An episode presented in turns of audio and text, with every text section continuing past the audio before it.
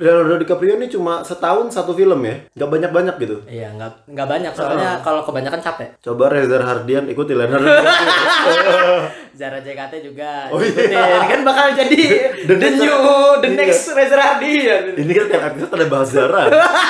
Gue kalau hadapan sama Brad Pitt sekarang iya ya, mundur. ya iyalah. Ya jangan kan Brad Pitt tuh. Ngelawan... Joe siapa? Taslim. Joe Tas. Ya iyalah Joe Taslim. tuh. Kang Cece. Kang Cecep, apalagi. Ini semuanya susah-susah dikasih. Iya. Ya biasa aja dong. Reza Hardian gitu. Oh iya. masih berani gue. Oh yakin. Berani tunduk. Hmm, Untung namanya di sini kan jadi Steve McQueen. Bukan jadi Lightning McQueen. Wadah. Cepet dia. Mm. Wadah. Ya.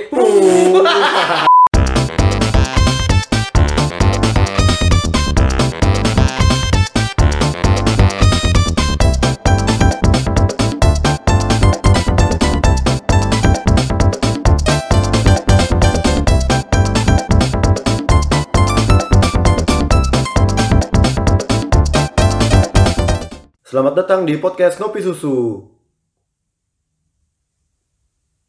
Apa bro? Bajingan. Podcast ngobrolin film suka-suka. Gue nungguin nih sebelum diedit nih silentnya lama tau.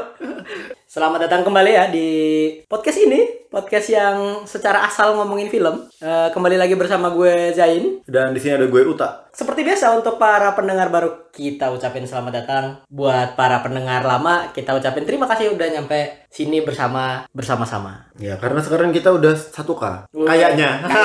Kayaknya. belum belum tahu, belum tahu, belum tahu. Baru 1K. Hanya Allah yang tahu. Heeh. Yang penting kita belum dibayar.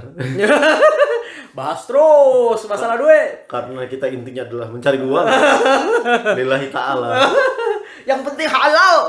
Eh, buat episode kali ini kita mau ngebahas ini ya filmnya film terbarunya Quentin Tarantino judulnya Once Upon a Time in Hollywood Eh, dibintangi oleh tiga bintang utama di film itu ada Margot Robbie, Leonardo DiCaprio sama Brad Pitt. Oke, untuk selanjutnya ini gue bakal bacain sinopsis ya. Iya iya Yang mana seperti biasa gue dapat dari Ya. XX1.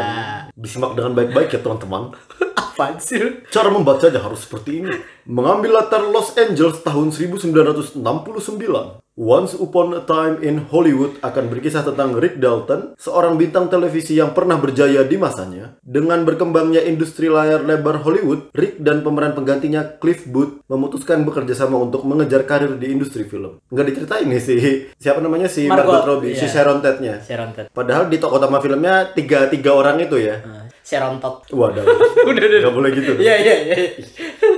Ini PG-13. Oh iya, ya, Peter tuh. Iya. Podcast kita tidak eksplisit. Jokowi. Jadi di film ini tentang katanya ya, ini adalah surat cinta Quentin Tarantino untuk Hollywood tahun 70-an. Katanya siapa nih? Katanya orang-orang. Iya, sumbernya apa anjir? Katanya, katanya. Gimana sih lagunya? Iya, tahu. tahu. Yang ku tunggu, ku tunggu. Oh, bukan, Gak tuh, gitu, bukan, gak bukan, gitu. bukan. Bahwa katanya kayak gitu. Gua gua ada baca beberapa tulisan gitu loh. Gua nggak baca langsung kutipan yang kalau itu dari Quentin Tarantino apa bukan gitu. Hmm. Cuma ada yang bilang ini tuh sebagai surat cintanya karena kan Quentin Tarantino tuh kecilnya tuh nonton film kayak gini gitu. Tentang koboi-koboyan. Cowboy ini zaman dulu kayak Avengers-nya lah ya kalau di zaman Mungkin. sekarang ya. Enggak emang yang superhero ya kayak pahlawan-pahlawan gitu Oh. kan. Emang film sebelumnya juga kan kayak The Hateful Eight, Quentin Tarantino juga koboi-koboyan juga. Dan di sini dia memakai kembali aktor ininya ya. Aktor-aktor ini aktor kelas A yang wow-wownya ini. Ya, aktor favorit juga. aktor favorit eh Le- Leonardo DiCaprio sekali doang bareng dia Ya sekali cuma maksudnya aktor favorit kebanyakan Oh, iya. sutradara-sutradara gitu loh. Leonardo DiCaprio ini cuma setahun satu film ya nggak banyak banyak gitu Iya, enggak enggak banyak soalnya kalau kebanyakan capek. coba Reza Hardian ikuti Leonardo DiCaprio Zara JKT juga. Oh, iya. ikutin. Kan bakal jadi the, The next- new the Iya. next Reza Rahadian. ini kan tiap episode ada bahas Zara ada apa dengan Zara Zara ini kecil kecil kamu udah kayak Dian Sastro soalnya Waduh, nggak ada apa-apa Mas Zara, kitanya aja. kitanya aja panjat sosial Yoi. Jadi di sini ya eh, kita akan ngebahas tanpa spoilernya dulu. Eh, menurut kita secara overall filmnya kayak gimana? Sebelum lanjut ke spoilernya kayak biasa, karena kita malas nulis di Twitter nih. oh iya bener Iya, lagi malas aja. ya kita lagi banyak kerjaan gitu Wede. biasa gua harus pergi ke Jerman Gimana? Eh, Gimana? tidak Ada. tidak tidak tidak tidak udah, udah. Kalau kalau Coki dari Amerika. Iya. Tidak, tidak, tidak. Pakai bahasa Inggris dong. No, no, no. Agak gitu. Mr. Ben cuy, jadinya Iya. cuy. Mm, mm, mm. Apaan sih? Goofy itu, Goofy. Bisa- Bisa Ben gak ngomong tuh. Oh iya nggak ngomong ya. Ya udah lah intinya kalau dari gue sendiri ya film ini secara overall nggak bisa masuk di semua orang. Kalau menurut gue nih, karena emang kan eh, kemarin gue nontonnya sama anak-anak yang lain, teman-teman gue yang lain gitu kan dia apaan nih anjing lah gitu. Oh. Jadi akhirnya kan gua gua sendiri kayak nyimpulin gua kan seneng nih pribadi nih sama film yang ini nih karena emang dengan segi keabsurdannya Mm. dari segi film ya seluruh film ini ini apa sih gitu loh cuma akhirnya menarik gitu bagi gua sendiri gitu kalau dari lu gimana Kalau dari gue, gue terbiasa ya sama non- nonton film Quentin Tarantino ini. Tapi ini sebelum spoiler, jadi Yes, Iya, sebelum kita spoiler. kita kasih ini aja ya. Per, nggak bukan preview juga sih, lebih kayak perasaan nonton. oh ya Gua- feeling feeling. perasaan Iya, karena sudah lama tidak berperasaan. Iya, iya, iya, iya, iya. Kalau dari gue tuh seneng, gue seneng banget sinematografinya bagus, cantik gitu, Sut sutan gambarnya believable. Kalau ini terjadi tahun 70-an gitu, setting-settingnya tuh late 60 ya, ya. Ah, lah set- settingnya tuh nggak nggak berat gitu loh. Settingnya tuh kelihatan kalau itu real tahun segitu. Aktor-aktornya ini juga maksudnya dengan kostum-kostum yang cocok gitu. Ada beberapa cameo juga yang mana menarik. Jadi ya dari gue sangat-sangat menyenangkan walaupun banyak orang nggak suka. Emang gue sadar juga ini cerit bukan mainstream ya, nggak nggak kayak film yang standar first act, second act, third act gitu. Ini, Ya, ini bukan ya. film standar. ini bukan bener- film yang itu tapi kalau emang suka Quentin Tarantino dan film-filmnya, gue yakin bakal suka juga sama film ini. Karena ini khas banget gitu loh, ini khasnya banget sama Quentin Tarantino. Dari gue sih buat yang non spoiler itu doang. ya jadi kayaknya kita langsung lanjut ke versi spoiler ya Eh, Ada Maya Hawk, Maya Hawk. oh iya anjir ada Maya Hawk buset Jadi cameo. iya jadi Nggak kami yang penting. Maya. terus ada yang di ini zombie Zombieland juga Siapa sih? Zombieland itu yang pemerannya Facebook gua lupa sih namanya Itu Mark Zuckerberg. Iya Mark Zuckerberg itu kan ada yang ceweknya kecil tuh sama Emma Stone. Oh nggak tahu gue. Itu ada ada yang dipukulin kepalanya sama Brad Pittnya itu loh. Oh i- itu yang kecil di situ, yang kecil di Zombieland. Iya gue yang nonton Zombieland. yang gue bilang Twinda Twindy itu loh. Twinda Twindy Iya, lagi. iya, iya, iya, iya, iya. Yang rambutnya hitam kan? Iya yang itu nah itu. Yang dari Ra- Ranch Ranch House Pound Ranch Ah. Pound House. Eh, jadi kalau dari dari gue ya filmnya ini terlalu nggak ada endingnya gitu. Emang ini beneran literally, Hmm. woi, Literally beneran apa? Literally beneran apa?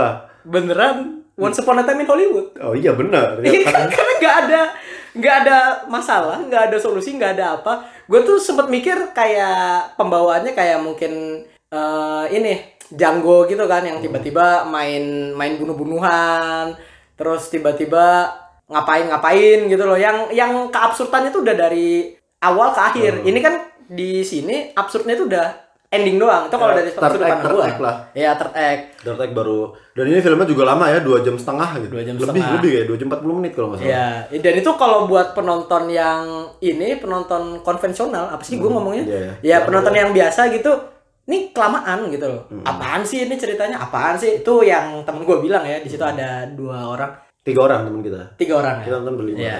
Nah jadi di situ itu gue ngerasanya malah kayak vibe-nya, vibe ya ini bukan bukan dari ini, kayak Mad Max. oh iya Mad Max itu a- rancu, absurd, gila, nggak jelas tuh semuanya kayak gitu gitu loh Heeh. ceritanya juga ngapain dia kalau Mad Max ya dia kabur ke satu tempat terus balik lagi Mm-mm. itu kan nggak jelas gitu itu sih kalau kalau dari gue nih secara filmnya yang versi spoiler kalau dari Hmm. lu gimana nih kalau gue pengen bandingin sama Mad Max tadi kalau Mad- ini tuh versi santainya oh oh kalau ya, Mad, ya. kalau Mad Max tuh kan uh, action ya jadi orang tegang dari awal itu kan Mad Max emang dari awal kayak kejar-kejaran Iya, iya. sampai akhir kejar-kejaran juga paling di tengah-tengah agak kendor dikit tapi akhir-akhir juga kejar-kejaran lagi kan kalau Mad Ah. Max dengan keabsurdan-absurdan lebih absurd banget itu Mad Max itu sedangkan Once Upon a Time in Hollywood nih kayak real aja oh gini loh kehidupan aktor gitu loh kalau gue ngeliatnya kayak oh gini loh Leonardo DiCaprio ini kan berperan sebagai aktor yang lagi turun lagi turun ya lagi turun terus ke- kerjaannya mabok besok paginya hafalan tapi dia ini apa istilahnya ya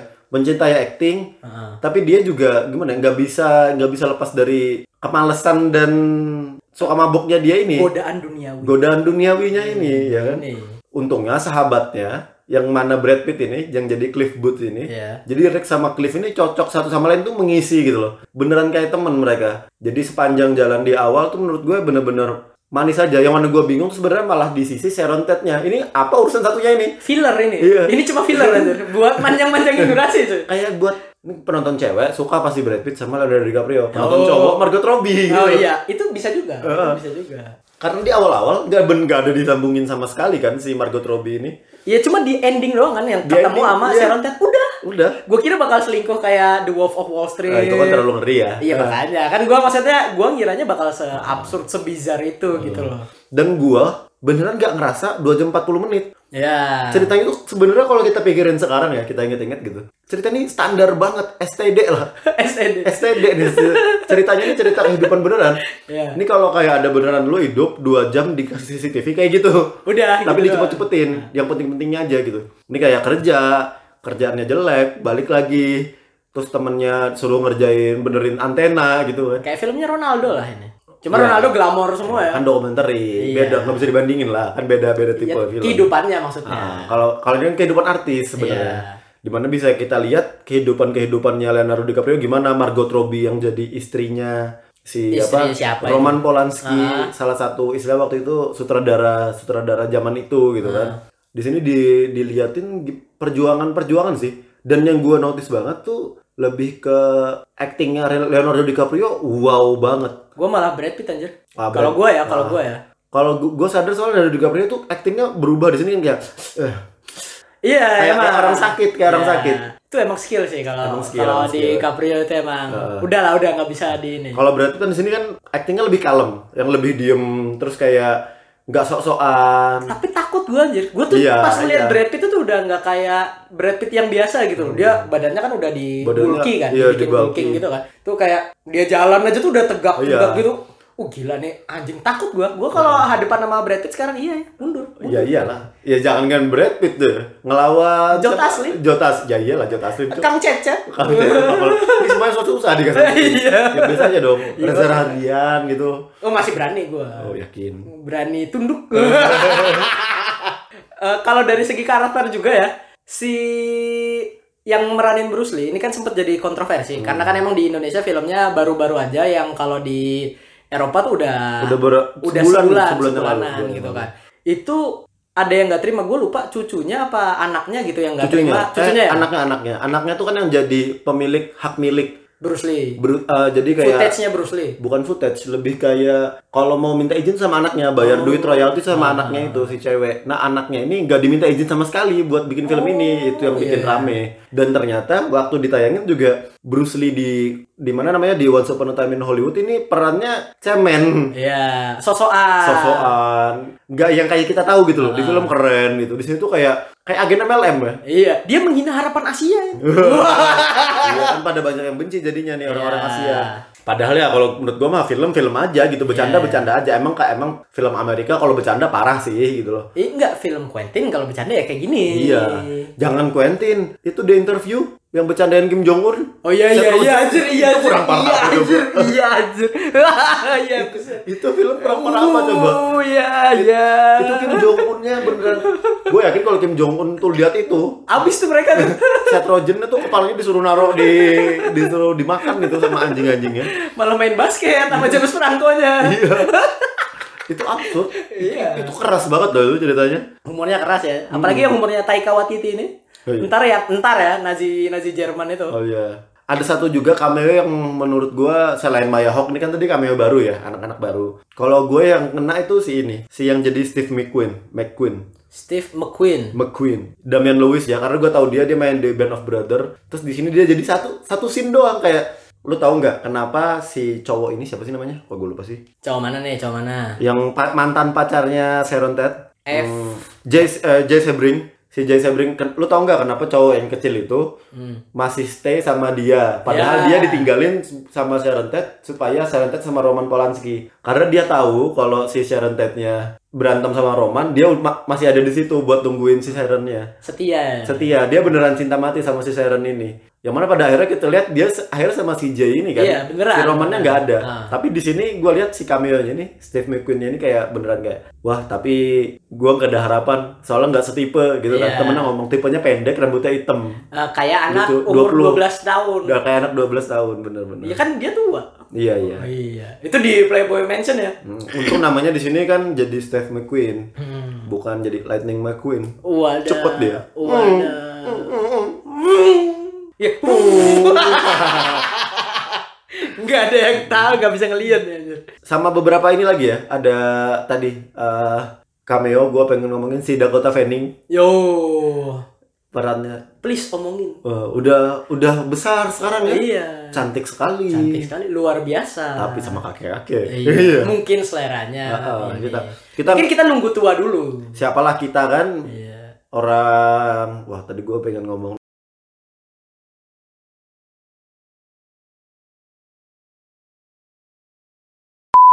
Hehehe. cut, cut, cut.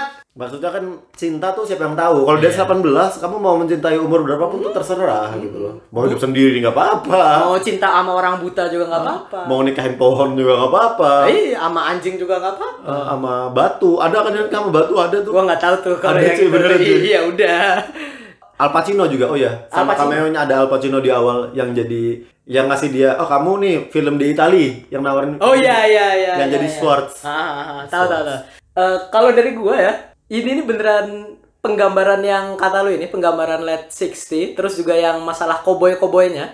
Mm-mm. Koboi-koboinya ini kan gue tuh pernah lihat video di YouTube gitu kalau nggak salah dari Wisecrack bisa bisa lu lihat lah. Eh waktu zaman superhero fatigue. Katanya kan superhero ini kan genre superhero sekarang kan ada superhero fatigue kan udah bakal Eh, kebanyakan superhero. ya udah bakal limit. Bosen-bosen. Karena dulu koboi itu kayak gitu. Oh, keramaian. Keramaian terus akhirnya orang malah ganti kan. Padahal film koboi itu ya banyak, Hmm. udah banyak ininya nyari cerita yang lain. Pokoknya digali terus loh.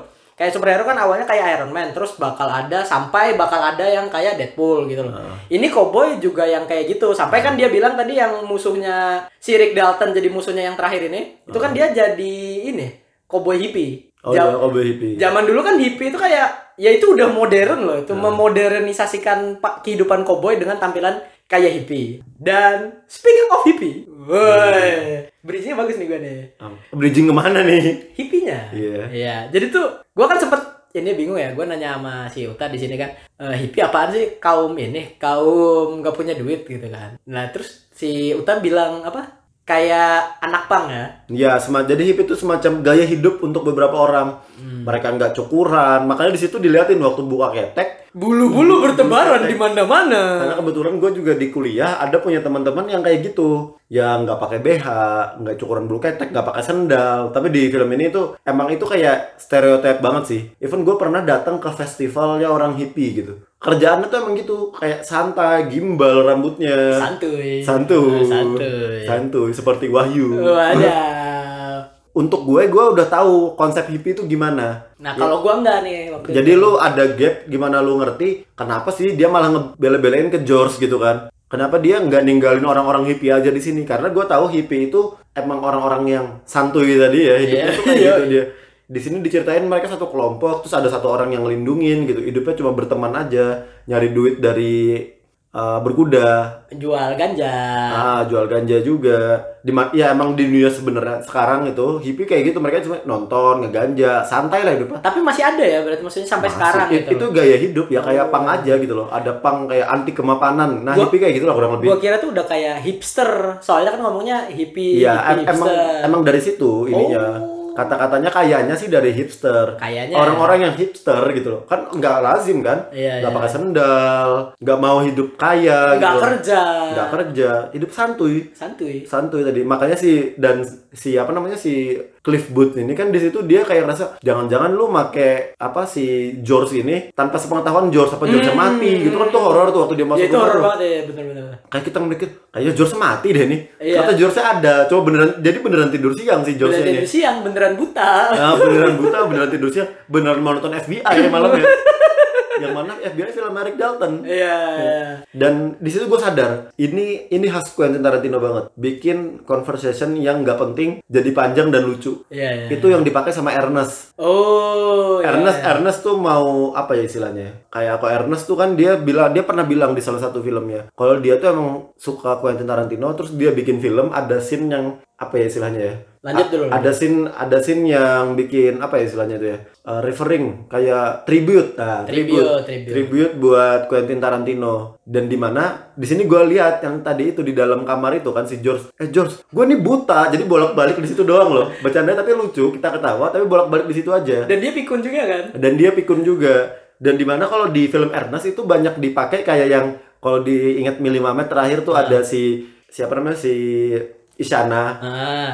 ini namanya siapa si anjing si anjingnya siapa tapi kucing jadi anjing apa kucing kucingnya itu namanya si anjing yang kayak gitu itu dibikin-bikin Iya. Lama kan durasinya gitu. Ya, jadi- Dialog kayak gitu. Jadi itu yang lucu, tapi kayaknya Ernest sangat menyukai tipe yang kayak gitu. Quentin Tarantino tuh yang kayaknya ngebikin itu. Ini percakapan remeh, tapi bisa jadi lucu dan menyegarkan penonton. Iya, relatable juga bisa ini. Ah, ah, dan jadi inilah, jadi apa istilahnya ya? Jadi trademark film Quentin Tarantino ada yang kayak gini. Kalau dicek toko sebelah, kok Ernest juga bikin yang bo- jadi bengkoang itu buah apa? Ya, buah apa ya. sayur gitu. Ah. Belungkah buah apa sayur? Eh, Timun buah apa sayur gitu kan. Mereka ngomongin i- i- ini tuh yang gue sadar, oh ini nih momennya nih. Ini khas trademarknya Quentin Tarantino keluar sekali gitu loh. Walaupun gue ada ngarep banyakin dong yang kayak gini kayak gini nih. Tapi udah banyak banget di ending, cuy. Ya. Wah, ending itu udah vum, vum, vum, vum, vum. Itu kalau lu nonton Inglourious Bastard, ceritanya kan Inglourious Bastard itu tentang Brad Pitt juga yang main. Pokoknya di Inglourious Bas- Inglourious Bastard itu tentara sekutu yang ngebunuhin Nazi satu-satu. Jadi ceritanya Nazinya dikejar, Nazinya dikejar satu-satu pela eh Nazi apa Yahudi dikejar gitu. Jadi kayak agak horor perang-perang gitu. Sampai seper sedua per tiga fil- film itu serius kayak film perang beneran dikejar beneran sepertiga akhir bantai-bantaian doang isinya bak bak bak bak Iya, emang kayak gitu. dan selalu kayak gitu. Jadi di film ini gue agak bingung sebenarnya di mana dimasukinnya nih. Nah, Trademarknya dia ternyata bener caranya tadi tadi apa mau nyolong ini tadi idenya lagi dia lagi giting kan lagi apa lagi sakau tiba-tiba pengen ngebunuh. eh gimana kalau kita ngebunuh orang ngajarin kita ngebunuh gitu Ah, Random banget, Random tuh, banget. random banget. tuh. untung ada satu yang masih sadar Maya Maya Hawke. Hawke, Maya Hawke. Karena emang cinta cinta tuh. Apa sih? Apa sih? Ya udah. karena Maya Hawke emang anaknya Ethan Hawke apa coba Gak gak nyambung, malah tambah gak nyambung. Gak apa-apa, karena Maya Hawke itu dari soulnya aku bisa melihat kalau dia tuh murni. Wah, Padahal peran di film doang. Kita juga nggak tahu namanya di film ini siapa. Dia juga masih anak hippie kan? Oh iya, anak hippie di situ. Iya. Terus juga kalau dari gua kan ini, kan mereka ceritanya itu ini eh berkisar, berkisar apa gimana sih? Apa? Eh, seputaran gitu Iya. lah, seputaran seputaran bertiga ini kan si Sharon Tate, terus Cliff Booth sama Rick Dalton. sama Rick Daltonnya ini. Dan di situ kan kelihatan banget zaman dulu ini stuntman aja hidupnya susah gitu loh. Oh iya, benar. Stuntman ini gua kan kalau ngelihat sekarang kan stuntman biasa aja gitu udah udah dilestarikan dengan dengan sebenar-benarnya gitu kan udah dikasih kredit banyak udah ya udah di diperlakukan semestinya gitu di sini kan udah kayak Rick Dalton tuh dimension mewah terus Cliff Booth pulang ke rumah tuh rumah yang rumah mobil itu gitu Iya, camper camper. nah, camper gua tuh kayak Trailer trailer nih kok kayak. trailer trailer gue tuh kayak bingung kan oh begini ya emang stand double ini sakit dulu Hidupnya. Heeh. Makanya di, di sini emang kayak Quentin Tarantino ini memotret kehidupan Hollywood tahun segitu. Hmm. Sharon Tate juga di sini sebagai aktris pendatang baru main film yang filmnya yang perannya cek-cek. ecek ecek yang gimana biasanya muka-muka nggak penting tapi namanya ada di poster loh iya betul betul betul. namanya ada di poster tapi mukanya nggak penting dan dia tuh posisinya yang agak porno Eh. gitu kan terus peran berantemnya jelek ya tahun film segitu gitu loh emang tahun film segitu tuh eh film tahun segitu tuh kayak gitu agak-agak masih stereotip masih seksis gitu kan emang tahun sekarang mungkin masih ada yang bercanda-bercandaan seksis ya tapi tahun itu kan masih biasa banget terlalu biasa dan juga gue kayak sadar ya di film-filmnya tuh banyak banget gue bingung ya Quentin ini nge-cashnya kayak gimana orang-orang yang ini mukanya banyak yang zaman dulu loh iya iya ini Hmm. muka ya? yang yang di filmnya Sharon Tate itu kan ada yang siapa yang jemput Sharon Tate-nya itu yang waktu Sharon Tate-nya jatuh di film yang dia main filmnya Mm-mm. yang jadi pembantu goblok gitu loh. iya iya iya itu kan ada bapak-bapak itu mukanya tuh muka orang Zaman dulu banget lah. Kalau zaman sekarang nggak ada muka kayak gitu gitu. Iya, iya. Gue juga bingung terus juga ada muka yang di Rick Dalton itu yang pas dia di penjara mau di penjara sama polisi-polisi sana. Rick Dalton mau dipenjara. Rick Rick Dalton. Hmm. Yang dia main film, main film, main di filmnya. Ah. Yang scene dia mau di penjara gitu loh di perbatasan mau di penjara 20 hari. itu kan ada polisi dua orang itu, dua orang polisi itu mukanya zaman dulu banget. Oh iya iya. Iya itu loh. Ya ini sih ya, lebih kayak ke kostum. Itu apa? Cast and customnya ya. Heeh. Divisi cast and customnya tuh beneran kerja keras buat inilah. Bagus banget tau jadinya. Nah, yang mana kayak gue berasa tuh kayak semuanya sebenarnya set itu, nggak ada yang di kota asli gitu. Mereka bikinan bikin set itu kayaknya ya. Kayaknya benar-benar. Tapi gue nggak tahu sih apa ada CGI yang CGI yang banyak apa enggak gitu di film ini. Mungkin ada.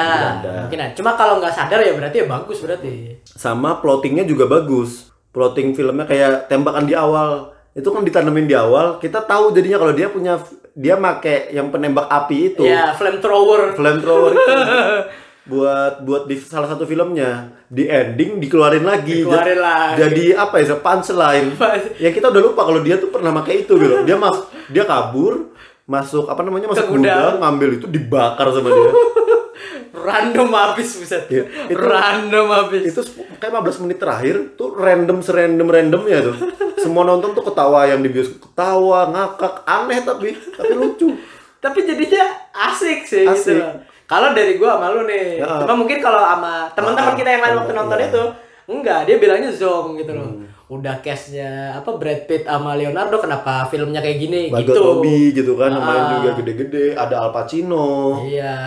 Itu kenapa jadi menurut mereka gitu. Iya, kan. karena, karena mungkin kebanyakan orang juga nonton bioskop kali cuma, oh ini Leonardo DiCaprio yang main nih. Hmm, Nggak, nggak betul, baca betul. sinopsis dulu, ceritanya behind ini tuh apa. Jadi kita dapat idenya pas masuk, oh filmnya tuh tentang ini loh. Ini bukan, kalau dari gue tuh bukan soal X. Jadi gue bisa menjaga ekspektasi. Hmm. Karena gue tahu ini film tentang surat, tadi gue pernah baca itu kan. Surat Cinta Quentin untuk tahun, eh, film eh, Hollywood tahun 70-an. Nah, Jadi waktu gua baca itu, gua langsung tahu, oh ini filmnya modelnya bakal kayak gini, sinematografi, gambar baik tahun itu, kehidupan aktor, ak- aktris baru, pendatang baru, sama stand double-nya. Jadi gua udah bisa bayangin kalau jadi gua ekspektasi gua tuh sesuai-sesuai aja gitu loh. ya. Tapi orang banyak emang gak ngikutin kan karena kayak wah ini yang main Leonardo DiCaprio, Brad Pitt nggak mungkin nggak mungkin kacang-kacang di Ya, filmnya. mungkin gitu. juga kayak Quentin kan mungkin kalau dari segi yang bikin filmnya kan orang-orang lebih kenal artisnya kan. gitu." Hmm. Ya di budaya kita nih, di budaya Iya, ini iya. orang-orang kan lebih kenal artisnya daripada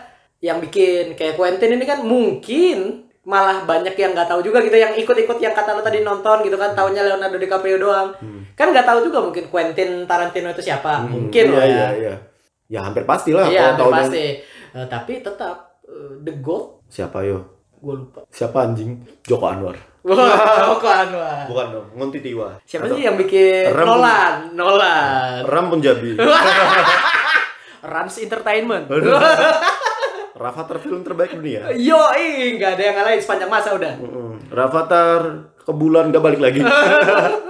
ya sama ada eh, dari gue ada ini ya. Kayak ada cut cut yang kasar gitu loh yang kita, kita Oh, sempat waktu iya, nonton. iya, iya, iya. Yang mana tapi gue waktu nonton tuh kayak ngerasa ini beneran cut kasar apa emang dibikin kayak gini? Apa disensor sama sensor film? Heeh. Kayaknya nggak mungkin kan Quentin Tarantino ngekat film sekasar itu gitu loh. ah, Heeh. yang kayak sampai ke notice gitu kan. Jadi gue merasa ini apa lembaga sensor film apa emang dia bikin kayak gitu? Tapi kata lu kan dia eh, si Rick Dalton Tapi dalam gua ketemu lagi pikirannya yang gitu lain. kan. Hah? Gue ketemu lagi yang lain, ada scene lain lagi yang kasar kayak gitu juga potongannya. Oh, gua nggak yang di akhir kayak kalau nggak salah ya dari waktu si hippies itu dari mobil dia jalan ke rumah tuh ada kating-kating kasar lagi. Apa gara-gara oh kelamaan nih filmnya nih dipotong gitu kayak dua menit sini dua menit. Gue yang sini. kerasa itu ada yang ini apa? Yang si Cliff Booth-nya mukulin yang gembosin mobilnya. Oh, Mukulin iya. bocah yang nge- gembosin mobilnya. Heeh. Itu kan diulang slow mo tiga kali kan dipukul Ah. tiga kali, diulang lagi itu kalau menurut gue sih full sensor itu. maksudnya full sensor? Di di sensor, maksudnya pas Oh. di adegan mukulnya tuh kan kayaknya mungkin eh, lebih lebih bizar gitu kan. Oh. Terus akhirnya pas dia si Cliff Booth-nya mukul, der langsung ganti isinya langsung ganti yang si bocah tadi Jatuh, iya. langsung Bo- jatuh iya, aja langsung jatuh. dan tiga kali diulang kayak gitu Iya, iya. dan ininya sama gua nggak ngerti ya itu katingan katingan dari eh, kalau gue nggak merasa aneh sih soal itu. kalau gue sih ngerasanya aneh ya gitu. yang Ah, itu Iya iya. Makanya kalau dari gue, gue nggak notice apa itu kayak mungkin emang emang emang kepengennya Quentin kayak gitu. Ah. Bisa jadi nggak, bisa jadi emang disensor sama LSF gitu Iya. kan. Kita kan nggak tahu ya, yang tahu cuma Quentin. Atau kita nonton nanti beli Blu-ray, Iya, bisa, Blu-raynya yang non cut, dia yang nggak di cut, director cut gitu atau gimana? Nunggu di Netflix juga kalau ada Lama lah, setahun paling nggak Iya kalau di sih, Netflix cuy. iya sih. Jadi paling nggak Blu-ray beli dong. Iya. Masa dong. Lo- Hari Kenapa, gini kenapa torrent. download saya nonton? Oh, iya. Setahun kemudian. Ma- Oh. masa torrent? Dua bulan lagi kalau torrent. Cukup ya? Apa gimana nih? Ada yang Iya, mau iya, iya. tambahin nggak? pengen nambahin kalau film ini bener-bener fun buat gue emang be- ini nggak buat semua orang dan juga kayak kita tahu film ini di IMDb 8,0 gitu yang mana itu film bagus cuma nggak begitu bagus tapi di Rotten Tomatoes 95 ya Eh, 93. 93 jadi emang kayak ini mungkin bagi kritikus cocok karena kritikus lebih ngerti kan Ya. Rotten Tomatoes kan nggak semua orang bisa ngasih nilai gitu Ini kan film-film yang emang udah segmented. Iya, ini segmented kan filmnya. Tapi kalau menurut gue dapat 8 di IMDb dengan sesegmented ini tuh udah Bagus. udah bagus gitu loh. Jadi nggak sebenarnya ini film nggak segmented segmented banget juga. Iya. Iya, kayaknya cukup nih dari gua sama Uta untuk episode kali ini. Kalau misalnya ada kritik dan saran bisa langsung mention Twitter sama IG kita ya. Iya. Eh, DM open terus juga Dan pribadi juga boleh. Wadah, wadidaw, wadidaw, ya jangan DM pribadi, eh terserah lu lah, terserah lu lah. Gak usah DM lagi. Kampret. Ah, ah, message terus ke podcast. Gak pernah dengerin. si anjing. Anjir lu. Eh, Kayaknya dari gua mau tak cukup dulu, cukup sekian. Sampai jumpa kembali mingdep. Sampai turun sampai apa sih Penyimannya. Udah, udah, udah. Yeah, my man. All right.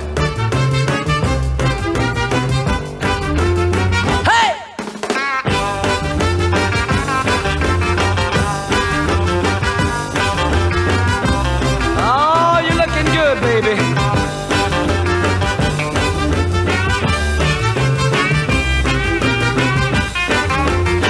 I wanna tell you a story every man ought to know. If you want a little loving, uh, you gotta start real slow. She's gonna love you tonight now. If you just treat her right now, oh, squeeze her real jump. Gotta make her feel good. Tell her that you love her like you know you should. Cause if you don't treat her right, uh, she won't love you tonight. uh. If you practice my method just as hard as you can, you're gonna get a reputation as a loving a man. uh. And you'll be glad every night that you treated her right. uh.